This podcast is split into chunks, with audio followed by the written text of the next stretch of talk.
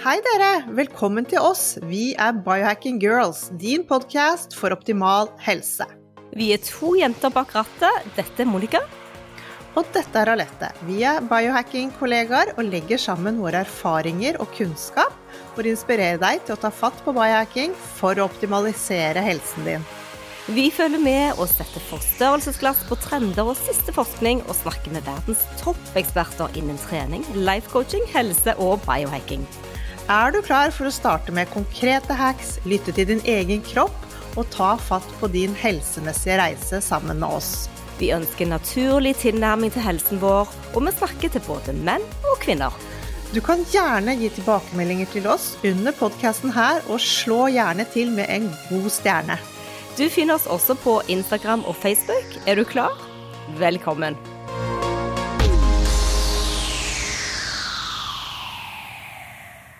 Dag skal vi faktisk snakke om fast igjen.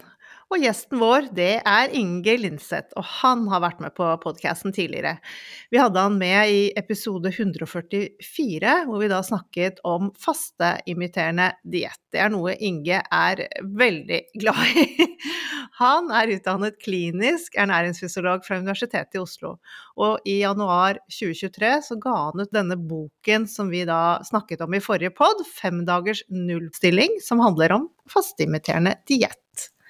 Ja, det er jo allerede et år siden, men vi kan jo si at 2023 var det året da faste virkelig ble mainstream på en eller annen måte, i en eller annen form.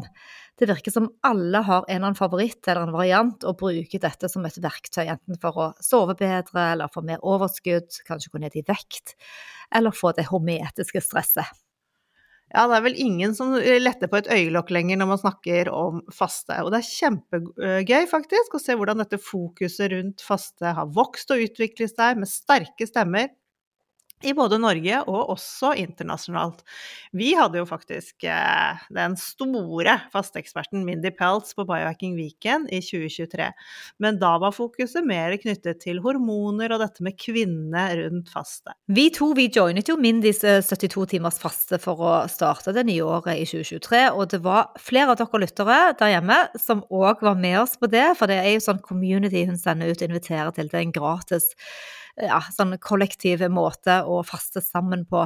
Og jeg må innrømme at eh, det hadde ikke gått for meg om det ikke var lov med fett i den fasten. Og jeg spiser litt nøtter og tok noen fatbums, og så hadde jeg jo covid. Og jeg spurte Mindy om det var greit å faste når jeg hadde covid, og hun sa bare kjenn etter, men øk kanskje litt på fettmengden. Hvordan gikk det med deg, Alette, på den fasten?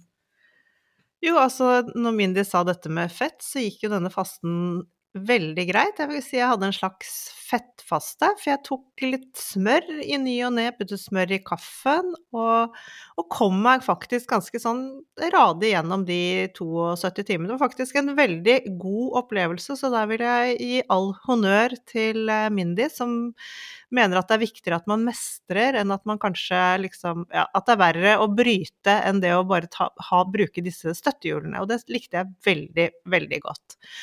Men vi har jo, Monica, testet masse forskjellige typer faste, vi. Jeg vet du har jo vært en liten periode hvor du hadde bare denne OMAD, ett måltid om dagen. Det var før du skulle gifte deg, husker jeg. Da drev du litt med det. Og jeg har jo prøvd en sånn saltvannsfaste. Det, var, det gikk ikke bra. Det, det var en uke hvor vi skulle drikke saltvann. Og nei, det var eh, Nei, jeg måtte faktisk, den fasten måtte jeg bryte, og, fikk, og dette er ti år siden, og da fikk jeg liksom nedtur på fasting. Jeg husker òg det yogamiljøet, eh, og det var enda lenger siden da vi gjorde dette. Det er kanskje 20 år siden jeg jobbet eh, i TV 2. Jeg syns det var ille med den saltvannsfasten. Men vi hører jo nå mye mumling om det man omtaler som tørrfaste om dagen. Og kanskje det er det som skal til nå? Kanskje ikke vannfaste er bra nok? Jeg vil også legge til at jeg har jo også testet femdagers nullstilling til Inge Linseth. Den var òg en lett variant, men tørrfaste det har jeg bare gjort eh, korte perioder på. Altså ikke lange timer, ikke mange timer. Nei, og så har vi jo denne legen Peter Atia. Han har jo også gått ut og sagt at han har sluttet sluttet med faste, og det er det jo mange som lurer veldig på, for han var jo virkelig en ihuga faster. Men her snakker vi om de, disse litt lengre fastene hans da på tre til fire dager. Og det er klart at dette er det blitt mye snakk om i biohacking-miljøet, i og med at han er en såpass profilert person der. Han begrunner dette med at han selv merket at han begynte å miste muskelmasse, og at det var derfor han mente at man ikke skulle faste. Ja, alt dette skal vi høre med Inge Lindseth om nå, når vi skal tune inn til dagens episode på podkasten. Det er så mye vi leser om, og det er mye vi forholder oss til, så la oss bare få dette straight. Velkommen alle sammen til Biohacking Girls, din podkast for optimal helse. Hei, Inge Lindseth. Så fint å se deg igjen. Hvordan har du det for tiden? I like måte. Jo, takk. Eh, bare bra. Det er eh, mest eh, Eller tenker mest på akkurat nå, er resultatet av en sånn biologisk aldertest jeg skal ta nå. Og se hvordan det har utviklet seg etter at jeg har nå gjort en del forskjellige ting som har til hensikt å påvirke biologisk alder det, det siste uh, halvåret, eller siden jeg tok den forrige testen. Hvordan så den forrige testen den ut? Det var vel 2,7 år yngre enn uh, min kronologiske alder, eller det som står i, i passet mitt. da. Uh, det jeg kan si med en gang, er at det spørs hvem er det man egentlig sammenligner seg med. Og akkurat den testen jeg har tatt, det er da europeiske mennesker, og, og, særlig svensker faktisk, som er relativt friske i utgangspunktet. Som, så da var jeg 2,7 år år yngre enn eh, Sett i forhold til det, da. Hvordan funker en sånn test? Eh, tar du den selv, er det blod, eller hvor lang tid tar det før du får resultatet? Det går i hvert fall tre uker, kanskje fem uker også. Um, så det du gjør, er at du bare drypper blod på et ark, uh, og så sender det inn uh, per post, og så får du en rapport tilbake Eh, etter noen uker, da. Ja, da blir det jo veldig spennende å se om du har blitt enda yngre nå når du får resultatet fra en ny test, særlig hvis du da virkelig har jobbet med det også et halvt år? Jeg, jeg har det, og så, og så, er det nettopp noe jeg leser om en del nå, for hva, hva, viser disse testene egentlig? Altså det man vet, er jo at uh, det er en veldig um, veldig nøyaktig måte å, å, få fram Hvis du ikke vet noe som helst om en person, eh, og bare har blodet, så,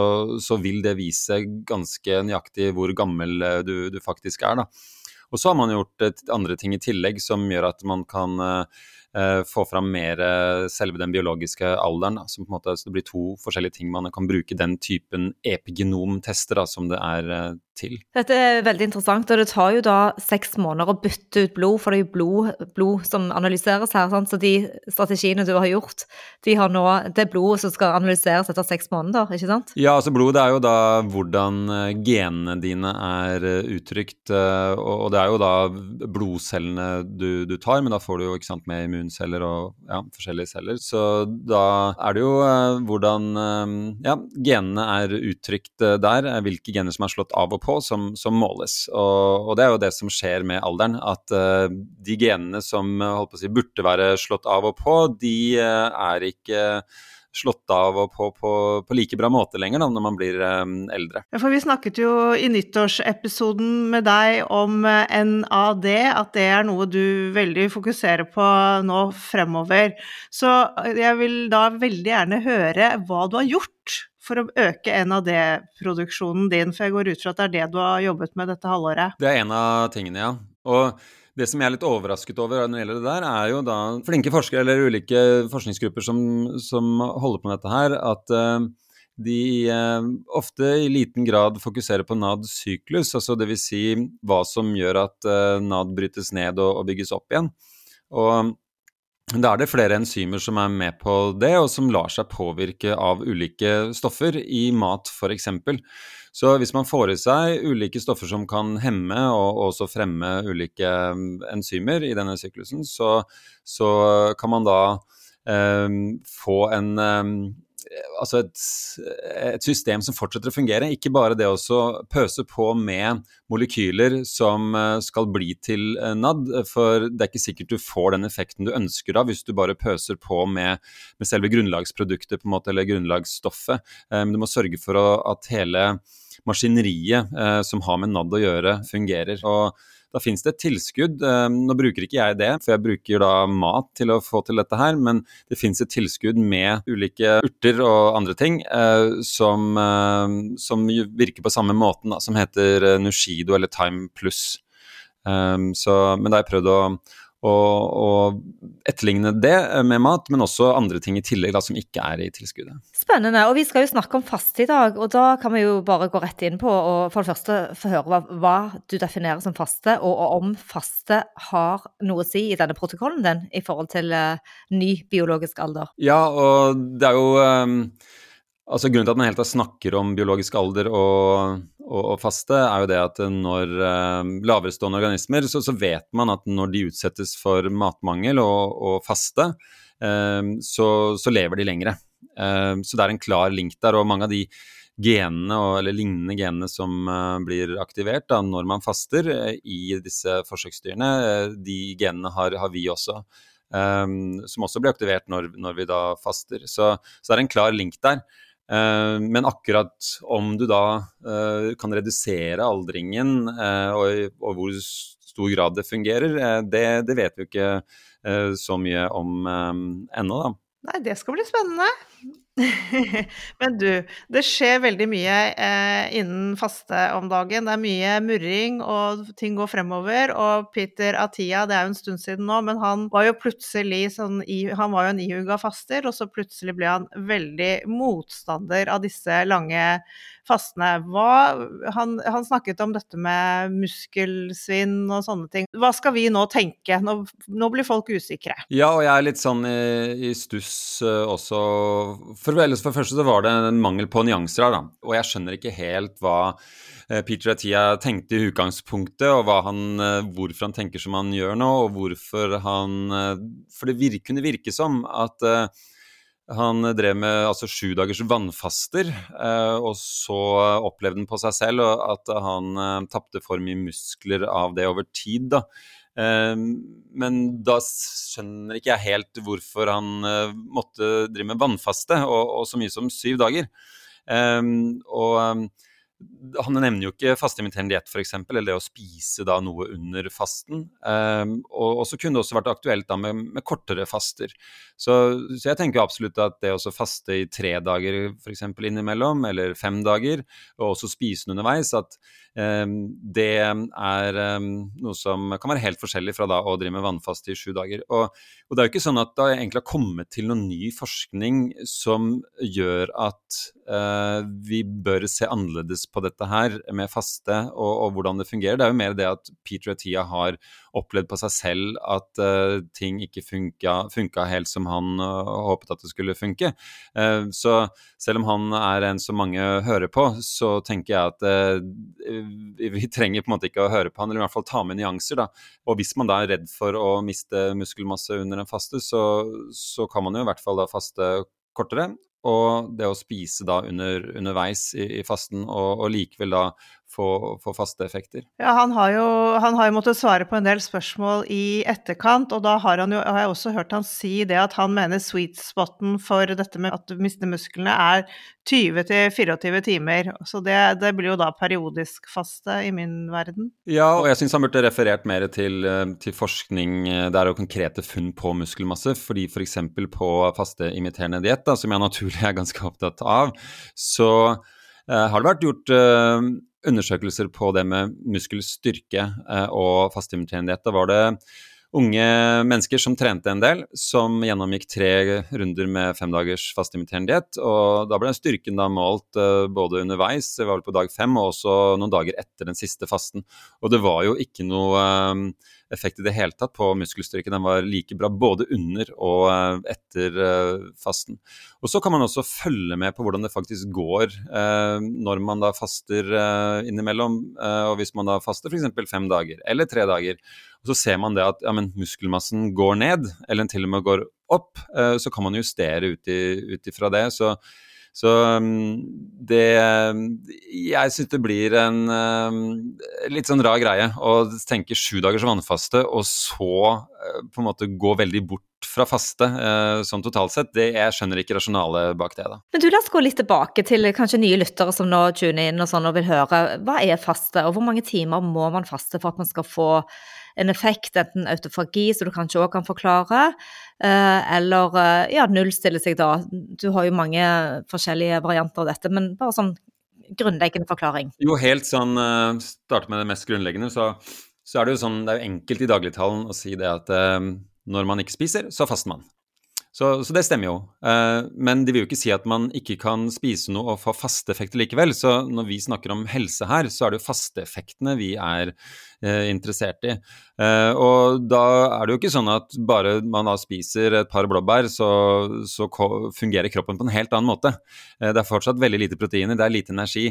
Eh, så, så, det er jo ikke bare det å putte ned munnen som gjør at man bryter fasten sånn fysiologisk sett. Eh, og da vet man jo at eh, det å spise så mye som en tredjedel, eh, en fjerdedel av det man gjør til vanlig, eller som kroppen da på en måte krever for å ja, som den forbrenner per dag, da, så, så, kan man få fasteeffekter likevel. Og kanskje til og med bedre fasteeffekter. Så, så det er sånn som eh, sikkert eh, mange ikke har tenkt over eller kanskje fått med seg helt ennå, at det, det, er ikke bare å ikke spise som gjør at man får faste effekter. Jeg må bare si at min mann har deltatt på din Han klarte tre dager på den fem dagers uh, nullstillingen. Han var kjempefornøyd, for det hadde vært mye på reise og kjente at nå vil jeg komme tilbake til uh, min egen matchvekt og energi.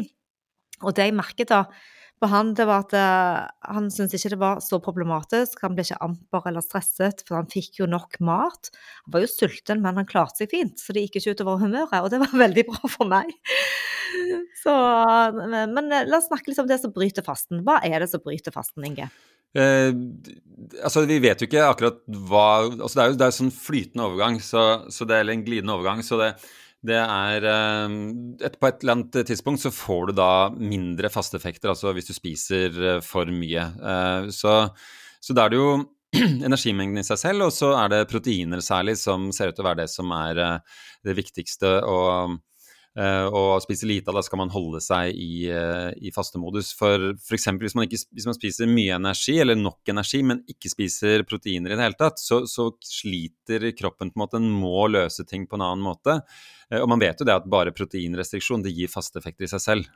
Så, så, det, det, har man jo data på. Så, så, så det er i hvert fall én ting sånn Hvis man da tenker at man spiser for mye på en måte på fastimiterende diett, eh, så er det sånn ja, men du spiser i hvert fall sant, bare 16 gram med proteiner per dag på dag 2 til 5, og, og, det er for lite for alle mennesker. så da vet du at du du tvinger på en måte kroppen til å løse ting på en annen måte, og det er forbundet da med, med faste effekter. Og, og, du spurte om, det svarte jeg ikke på, men du spurte om det bare eller nettopp. og ikke sant, hva, Hvor mye skal til for at du får faste effekt når det gjelder lengde på fasten? Og da har man jo sett da at uh, bare med tidsbegrenset spising, jeg vet ikke om det var ti timer spisevindu rundt det, tror jeg, i døgnet, eller kanskje det var litt kortere så, så, selv da ser man at det blir en økning i uh, autofagi da, i kroppen. Um, altså sånn søppeltømming i, i, i cellene. Så, så, man trenger ikke å faste over flere dager for å få noen fasteeffekter. Det er i hvert fall helt uh, tydelig. Det, du kan spise noe og spise nok hver dag og likevel få denne autofagieffekten. Perfekt. Vi uh, fortalte, Sist vi snakket sammen, så fortalte vi at vi hadde gjort en 72 timers faste i, i januar i 2023, og vi går litt inn i det igjen denne gang. Det er dr. Mindy Pels sin metode, da. Hva tenker du om en 72 timers faste? Eh, nei, det er eh, bra å faste på den måten man får til å faste og har tid til å faste. Så la oss si at det er lenge siden du har fastet og du får ikke tid eh, eller mulighet til å gjennomføre en femdagers faste, men tre dager går. Ja, men da tenker jeg kjempefint. Og så kan du jo kjenne etter selv hva skal dette her gjøre for deg. La oss si at du har leddplager eller du har noen konkrete plager som du opplever at blir bedre av å, å faste. Så så, så, er jo det på en måte fasiten også. Eh, hvis du eh, opplever at ja, selv bare med tre dagers faste så, så, fungerte leddene mye bedre, du fikk mindre smerte eller hva det måtte være, så, så, er det jo ingen som kan si det at, du, at det ikke er bra nok. Og da brukte vi utelukkende fett. Eh, du spiser smørralette, og jeg hadde vel litt eh, nøtter og en halv avokado. Så fett var på en måte det som hjalp oss gjennom de dagene for å gjøre det litt lettere. For min del, det er litt av hennes poeng når man ikke har gjort en sånn tredagersfaste før, da er det der at hun er veldig opptatt av at alle skal gjennomføre, for det er noe med den mestringen også, at man kommer tilbake til det. Så da fikk vi beskjed om at bare dere litt eh, fett når det røyner på, og det hjalp virkelig. Så det var eh, Hva tenker du om det, at man liksom kan få hjelpe seg litt gjennom disse hampene? Jo, det er veldig interessant, og det er én ting ja, hvis man da faktisk har tenkt til å vannfaste eller spise veldig, veldig lite, og så merker man at det er litt utfordrende, og så ja, men da tar jeg litt uh, fett, og så hvis det funker, så er det kjempebra. Uh, Og så er det jo, og det ligger jo nettopp i det med fastimiterende diett at du kan spise noe mens du faster. Men la oss si at du er på fastimiterende diett, og så er det likevel tøft, da. Og så tenker du at ja, men å, nå skulle jeg, hvis jeg bare kunne hatt litt ekstra smør på eller noe sånt nå, så, så hadde jeg klart det. Så, eh, så, så altså, igjen så er det sånn På et eller annet punkt da så går man jo over en grense, og så Men hvis man bare legger til fett, så vil du jo fortsatt ikke få nok proteiner, ikke sant. Sånn at du vil jo få noe fasteffekter uansett, selv om det kanskje blir litt vel mye energi, da. Men, men det er jo også sånn at ja, at får du i deg for mye energi totalt sett, så, så, så blir det mindre fasteeffekter. Men sultfølelsen er også en relativt god indikator da, på hvor grensen går også. For hvis du er utrolig sulten på en faste, og så spiser du Eh, litt ekstra fett, og du fortsatt er liksom litt sulten, så, så tyder det på at nå, kroppen oppfatter at den er i fastemodus. Det er litt sånn krisesituasjon her uh, uansett, da. Så, så, man har jo sett det at uh, i hvert fall er ganske gode holdepunkter da, for at sultfølelsen i seg selv er med på å gi faste effekter. Så, så, hvis du er sulten, så kan du føle deg ganske trygg. Og det vil ikke si at du ikke får faste effekter om du ikke er sulten, men, uh, men det ser ut som at noe av effekten er formidlet via sultfølelsen i seg selv. Da. At det gir et signal til kroppen om at dette her er litt krisesituasjon, og, og, du vil ha litt krisesituasjon i, i kroppen for at den skal um, bli utfordra til å skjerpe seg. Du, Kunne ikke vi snakke litt om de to brenselsmekanismene våre, glukose og eh, ketose? da, og Man blir jo, kommer jo naturlig i en ketose når man faster òg. Men eh, hvordan vil du valorere de forskjellige tilstandene metabolsk sett? Altså, man kan jo si at uh, det å produsere økte mengder med ketonlegemer, at det gir fasteeffekter i seg selv. Men på fastimiterende diett f.eks. så er man bare i grenseland til økt, uh, å produsere økt mengde med ketonlegemer, da, eller være i ketose. Um, og så får man fasteeffekter uh, likevel. Så, så, du kan jo hende at du trykker på litt forskjellige knapper da, når du er i um, ketose under en um, fast eller ikke, eller om du faktisk ikke faster, men du er bare i ketose ved at du spiser veldig lite karbohydrater. Så jeg tenker jo at det er bra å gjøre litt forskjellige ting. Nå er jeg um, altså det å Jeg bruker jo da ketose, altså jeg er på ketogendiett innimellom, men spiser meg da mett, spiser nok mat, og så er jeg på fastimiterende diett hvor jeg da stort sett ikke er i ketose, da. Så hvis, jeg vet ikke, hvis spørsmålet er litt sånn hva er som er best, og, og er det sånn at uh, det å spise karbohydrater at det er, uh, ikke er bra i seg selv, så tenker jeg absolutt ikke sånn. Jeg tenker at uh, mange av de som da er på lavkarbo eller er på ketogendiett, kanskje kunne fått like gode effekter ved å spise da mer karbohydrater, men så er det det at de kutter ut en del av de dårlige karbohydratkildene, for å si det sånn, som bidrar med mye av effektene også, da. Og, og, så er det jo veldig lite sammenlignende studier også på, på det også, um, å være i ketose og gjøre andre ting uh, som um, har et veldig bra kosthold samtidig. Men, men altså, det er ikke noe tvil om at ketonlegemer har en del konkrete effekter på fysiologien vår, og at det uh, er bra på mange måter. Hva betyr det for deg å være metabolsk fleksibel? Det er at altså, hvis du føler deg dårlig av å plutselig ikke får karbohydrater, f.eks., at du bare blir helt skjelven utafor av det, så er det sånn at da kan man si eh, at eh, du ikke er så metabolsk fleksibel, og at du ikke har så stor evne til å switche da mellom eh, karbohydratforbrenning og, og, og, fettforbrenning. Da er man jo mer rustet mot det som måtte komme, på en måte, at du kan lett hoppe inn i en faste. Um, du kan, uh, når karbohydratlagerne da blir, begynner å bli tomme mens du er i fysisk aktivitet, så, så kan du lettere bruke mer av, av fett da, for å opprettholde tempoet. Uh, så det er noen, noen poenger. Men det har vært veldig mye snakk nå også om at vannfaste, det er ikke bra nok. Nå må vi tørrfaste.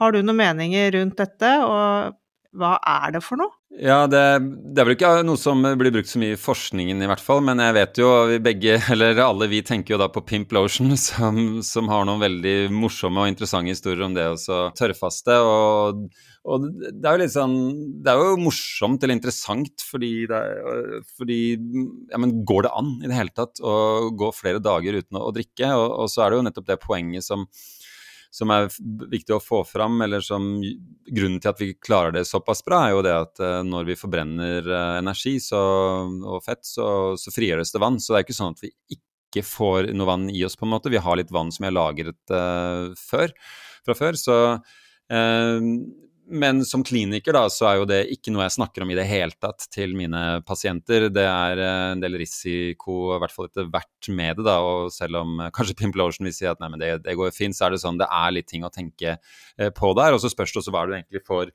igjen for det. Um, og da er det jo sånn at du får en økning i vasopressin f.eks., som uh, kan ha noen uh, bra effekter på, på kroppen. Uh, men det er noe jeg ikke forholder meg så mye til, rett og slett. Og det liksom, men det er interessant at ja, det er jo veldig greit å vite at kroppen takler sånne ting bedre enn det man kanskje skulle tro. Da. Det er jo uh, et viktig poeng. Og, og, uh, men uh, og hvis man har lyst til å teste det og se hva er det som er mulig faktisk å, å få til, og, og du har snakket med kanskje helst med legen din først, så ok, hvorfor ikke? Men at det gir så mye det, vi vet ikke da om det er eh, noe som gir så veldig mye tilleggseffekter. Ok, Så det er ikke noe, det er ikke noe forsket på dette her? Nei, altså det kan, kan godt hende at det er en, en, del jeg ikke har fått med meg, men, eh, men man vet i hvert fall at eh, eh akkurat det med vasopressin, det hormonet der, at det, det, øker, at det kan ha noen fordelaktige effekter på, på psyken bl.a.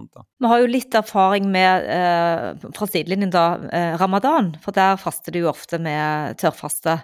Uh, og mange som har gjort det, viser til reduserte betennelser og sykdomstilstander. Men, uh, men du skal kanskje ikke prøve å faste, tørrfaste mer enn 24 timer, og, og, det er kanskje litt mer risikofullt. Men hva taper man når man faster? Hva er det, det er vann, uh, kanskje litt muskelmasse? Altså, det er jo den lange fasten eller den gode livsstilen som gjør at man får resultater. Ja, og da er det viktig å ta med det at ja, du vil tape noen proteiner, eh, men taper du funksjonell muskelmasse eh, Det går nok en stund før du faktisk gjør det, kan det, kan det se ut som. I hvert fall hvis du spiser noe underveis og du ikke ja, faster for lenge. Da. Så, eh, så, da er kroppen veldig flink til å velge de proteinene og proteinstrukturene som ikke fungerer så bra først. Altså i større grad enn mer funksjonelle proteiner. Så så la oss si du faktisk går ned da, en del eh, gram med proteiner under en faste. Så, så, er det sånn, ja, men trenger du akkurat de grammene som du faktisk mistet? Eller er det sånn at du eh, altså trenger du å ha de søppelproteinene i, i musklene? Eh, kan du kanskje heller da gå ned eller litt i muskelmasse, og så heller gå opp igjen etter at du er ferdig med å faste, men med mer funksjonelle proteiner, da. Eh, så, så der vi trenger å Eller der det er ikke bare å måle eh, selve muskelmassen eh, og så tenke at det da ikke er eh, bra etter en, en, faste, men å se hvor står du hen egentlig etter flere runder med faste eh, og et par uker etter den siste fasten, når det gjelder hvor sterk du er, hvordan du føler deg, og selve muskelmassen, da, men ikke, ikke akkurat hvor mye du har gått ned i muskelmasse under en faste. Det blir litt mindre relevant, da. Men læreren vår, da, dr. Eric Berg, han sier da at eh, hvis du står litt fast og trenger en ny eh, kick-in, på vekttap så kan du prøve å faste fra du legger deg klokken åtte til tolv dager etterpå. Da har du 16 timer uten å drikke, så det er tørrfaste sånn rent hack. Da går vi over på um, neste tema her, og det er hormesis og faste. For vi lever jo nå så utrolig komfortable liv i 2024. Vi blir aldri utsatt, verken vi eller, eller kroppene våre, for noe som helst uh, her, uh, hormesisk stress. Og da er, er jo faste midt i blinken, for det er jo akkurat det vi trigger når vi faster. Ja, og da er det ikke bare faste, men uh, fasteimiterende stoffer, eller calorie restriction mimetics kan man kanskje også kalle det, uh, selv om det dekker litt mindre, da. Um, så det er jo det som er en hypotese, i hvert fall, at uh, ulike stoffer i mat bidrar til å på en måte irritere kroppen litt. Altså plante, ulike plantestoffer uh, som gjør at det settes i gang ulike prosesser som, eh, som, eh, kan være fordelaktige for oss fordi at kroppen blir, eh, blir utfordret. Og, og det er jo sånn, ikke sant, Du kan jo si trening, at det også er hormese. At det er, du får en utfordring, og da skjønner kroppen at du må gjøre et eller annet. For det her, det her kan det bli mer av etter hvert. Så nå, nå har jeg lyst til å, eller har kroppen på en måte lyst til å være bedre forberedt til, til neste gang. Og det er jo sånn ja, vi har de genene vi har, men, men, det er også da påvirket av hva vi gjør, hva som uttrykkes av gener, og hvordan da kroppen tilpasser seg sitt uh, miljø. Så hvis du da sitter eh, foran TV-en i sofaen eh, hele dagen, uh, så, så, er det sånn ja, men hvorfor skulle kroppen da gidde å bygge på uh, Eller få muskelmassen opp? Det er det tydeligvis ikke noe vits i her. Så da, da, bruker han ikke noe energi på det. Da bruker han heller energi på, på andre ting. Så, så, det er et sånn fundamentalt prinsipp som, som kroppen fungerer etter. Og det tydeligste er jo selvfølgelig trening. ikke sant? At det man bryter på en måte ned kroppen, men det behøver ikke være negativt. En annen ting også det, øh, som jeg syns er veldig positivt med å, å, drive med både fasteimiterende dietter og, og være litt mer mindful øh, på hva vi putter i munnen. At vi, vi, er så, vi, er så, sånn Vi tenker ikke, det står noe foran oss, og så putter vi det i munnen. Men jeg, for meg så er fasten veldig sånn jeg blir mye mer bevisst hva jeg putter i kroppen av å ha den restriksjonen innimellom. Det syns jeg er en utrolig fin bieffekt uh, av faste. Hører du andre snakke om det? Absolutt, det, det, er mange som snakker om det der. At det er uh, Og det var sånn for meg etter siste fasten også, mye tydeligere enn ellers, at jeg hadde virkelig ikke lyst på noe som uh, ikke var rent, på en måte. Eller som Jeg ville bare ha ordentlige råvarer. Ikke, jeg ville ikke ha Jeg, ville faktisk, jeg hadde ikke så lyst på kjøtt eller fisk eller noe sånt heller. og i hvert fall ikke noe som inneholdt sukker. Det skulle bare være eh, ja, eh, rene matvarer. Og ble mer intuitivt, følte jeg også, for hva var det kroppen egentlig trengte. At det, at det var noe som hadde satt litt ting på plass, sånn at jeg hadde kommet til, kanskje mer tilbake til eh, altså at kroppen virkelig forteller meg hva, hva, som trengs, da, mens kanskje en del av de matvarene som vi spiser, forkludrer det der eh, litt. Da. Eh, og også for meg, holdt jeg på å si, som spiser ganske ganske sunt, så, så er det, så det ja, det er kanskje flere ting vi snakker om, om her, eh, men, eh, men, det har eh, en stor effekt på, på hjernen, det å faste. Ja, helt klart. Den mentale biten er jo òg stor. Men hvis vi beveger oss litt videre, Inge. Når man skal faste, så er det jo akkurat det. Man må liksom forberede seg og være liksom mentalt sterke. Hva er noen gode råd hvis du har lyst til å ta fatt på dette året med å tenke at nå skal jeg endre litt vanene mine? Er det noen sånne konkrete tips du kan si til oss og lytterne våre? Ja, tenker du på faste, altså en lang natt-faste, eller også flerdagersfaster? Begge deler, egentlig. Hvis du har lyst til å starte, eh, du har denne kickstartingen din, eller nullstillingen, da. Eh, er det noen konkrete råd som er viktige og fine å ta med? Ja. Jo, la, la, oss si at du er litt sånn skeptisk til dette her. Du har hørt uh, litt om faste, og så bare vet du med deg selv at å, jeg blir så gretten hvis jeg ikke får mat når jeg trenger mat, og, og det helt tatt tenke på at du skal være, gå uten mat f.eks. en hel dag eller flere dager. Det, for mange så kan det virke helt umulig. Og Da kan man jo for så vidt bare tenke at ja, men kanskje jeg ble overrasket, og bare huske på det at uh, sultfølelsen kan faktisk gå over, og det kan oppleves litt annerledes når du er mer mentalt innstilt uh, på det, uh, og kanskje ikke har så mye stress i hverdagen osv. Men en annen måte å, å, gjøre det på er jo at du utvider nattfasten mer og mer, sånn at du, det går lengre og lengre tid før du spiser frokost, kanskje, eller at du spiser tidligere og tidligere på, på kvelden.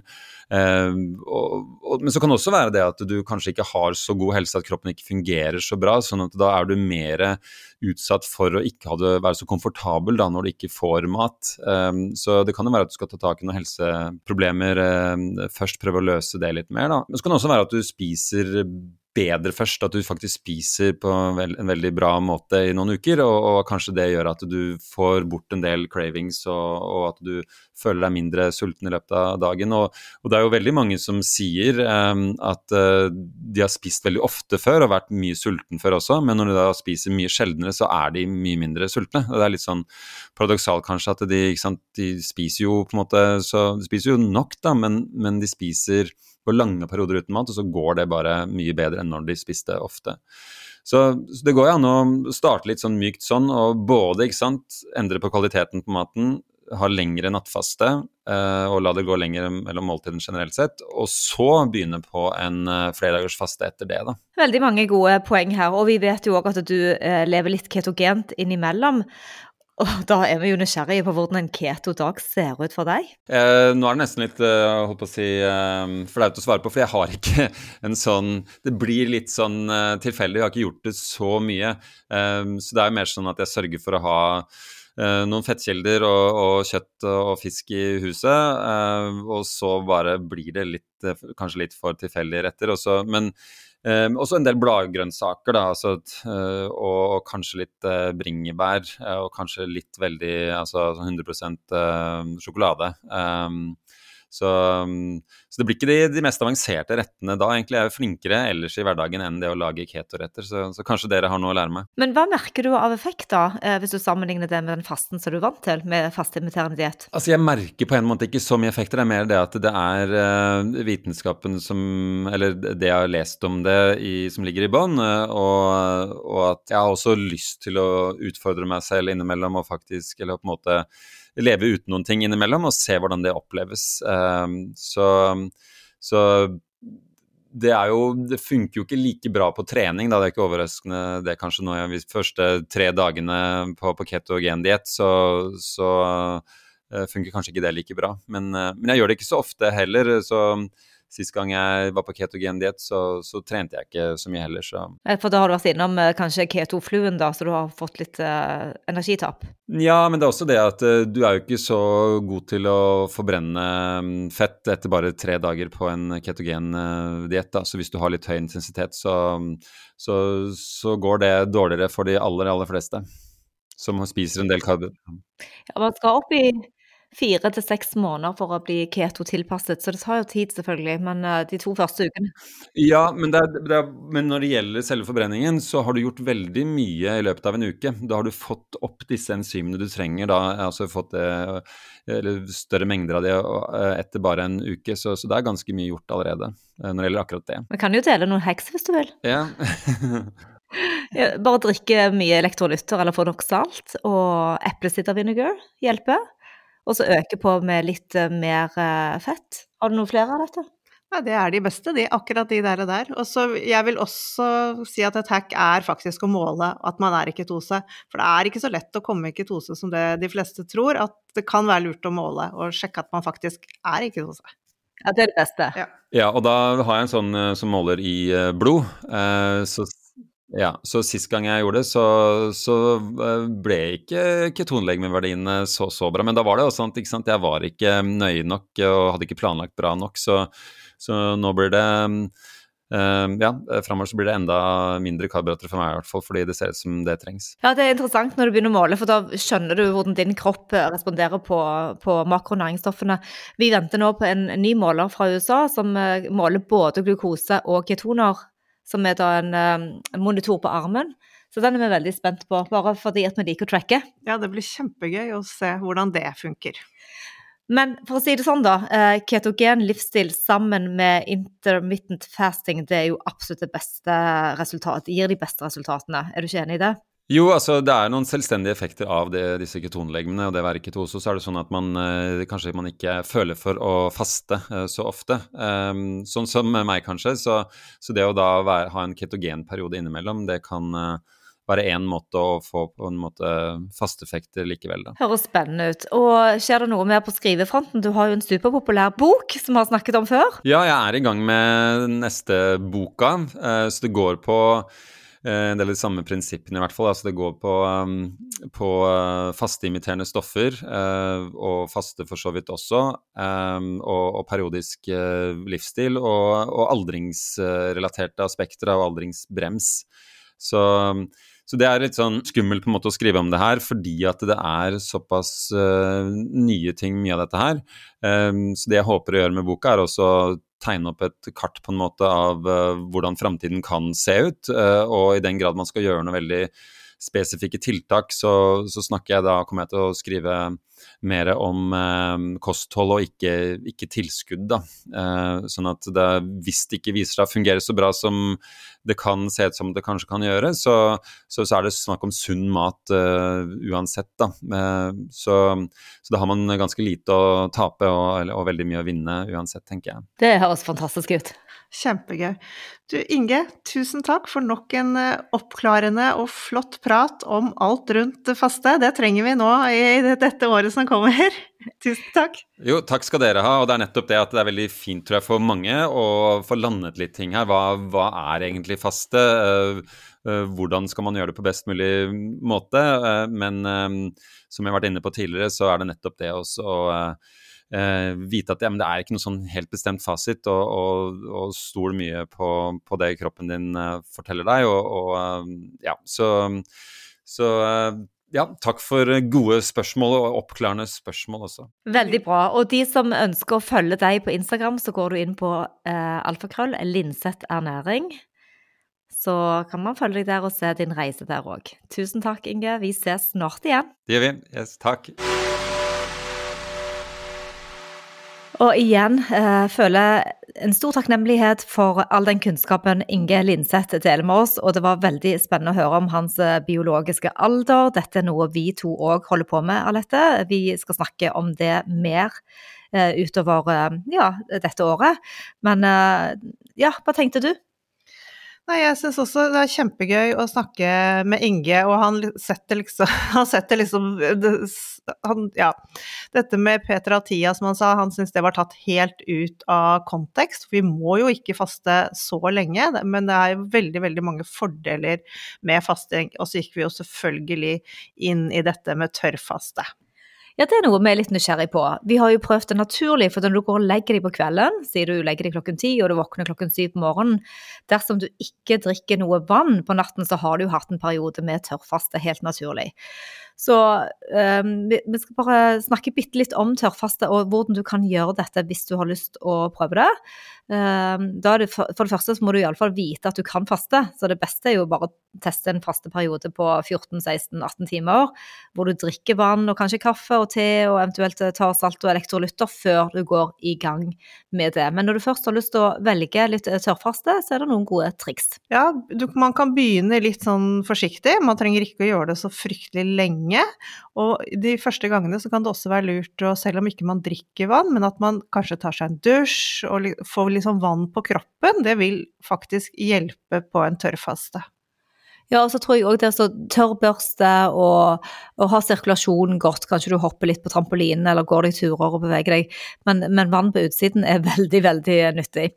Og før du skal gå i gang med tørr, uh, tørrfasten din, så er det òg viktig å spise mat som inneholder omega-3 fettsyrer og salt før du starter. Så det kan være smart å finne ren og god mat, eller uh, til og med tilsette litt salt i vannet uh, det, før det tidspunktet du skal starte den faste perioden din. Og så er det lurt å starte kanskje en sånn tørrfaste etter middag på kvelden, for da er du allerede i gang med liksom, Du får hele natten og du har kommet et godt stykke på vei når du da våkner om morgenen. Og tenke at disse første gangene ikke så lenge, kanskje 16 timer, kanskje så mye som 24, men gjør det rolig og vær nøye med at du, at, at du har det bra underveis. Ja, bare Velg deg. Bestem deg for hvor mange timer du har lyst til å gjøre dette. Kanskje du prøver med 18 timer først, eller 16 timer først, eller kanskje kortere. Hvis du skal trene, så husk på at eh, med alle nye ting, når du stresser kroppen din, så er det lurt å lytte til kroppen igjen og gjøre lette øvelser.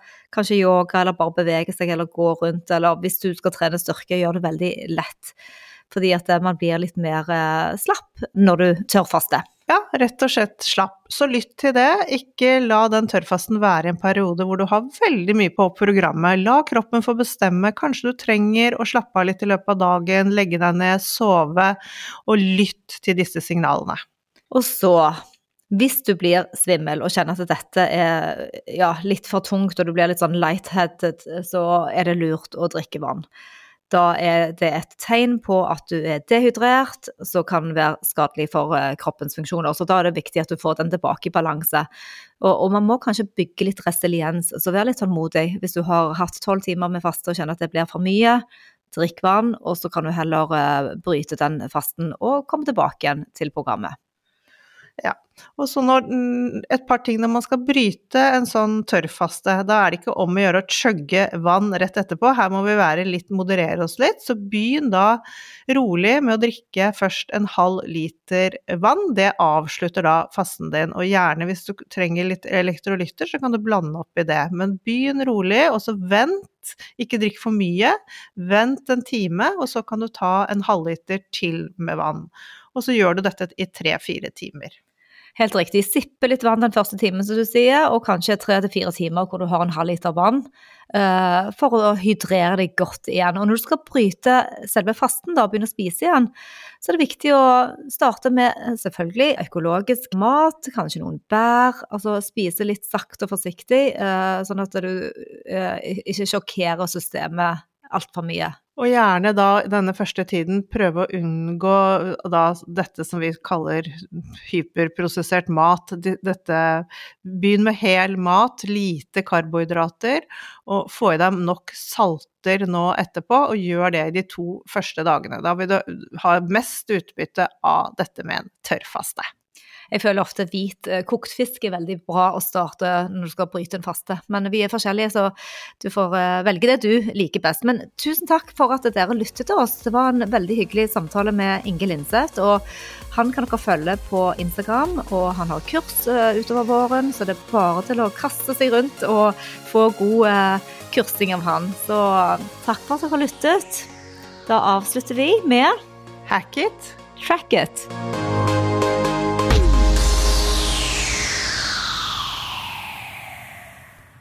Vi minner om at dere må snakke med egen lege eller kostholdsveileder om dietter og andre spørsmål relatert til medisiner og supplementer. Informasjon vi deler kan ikke bli brukt til å diagnostisere, behandle, forebygge eller kurere noen sykdommer eller tilstander.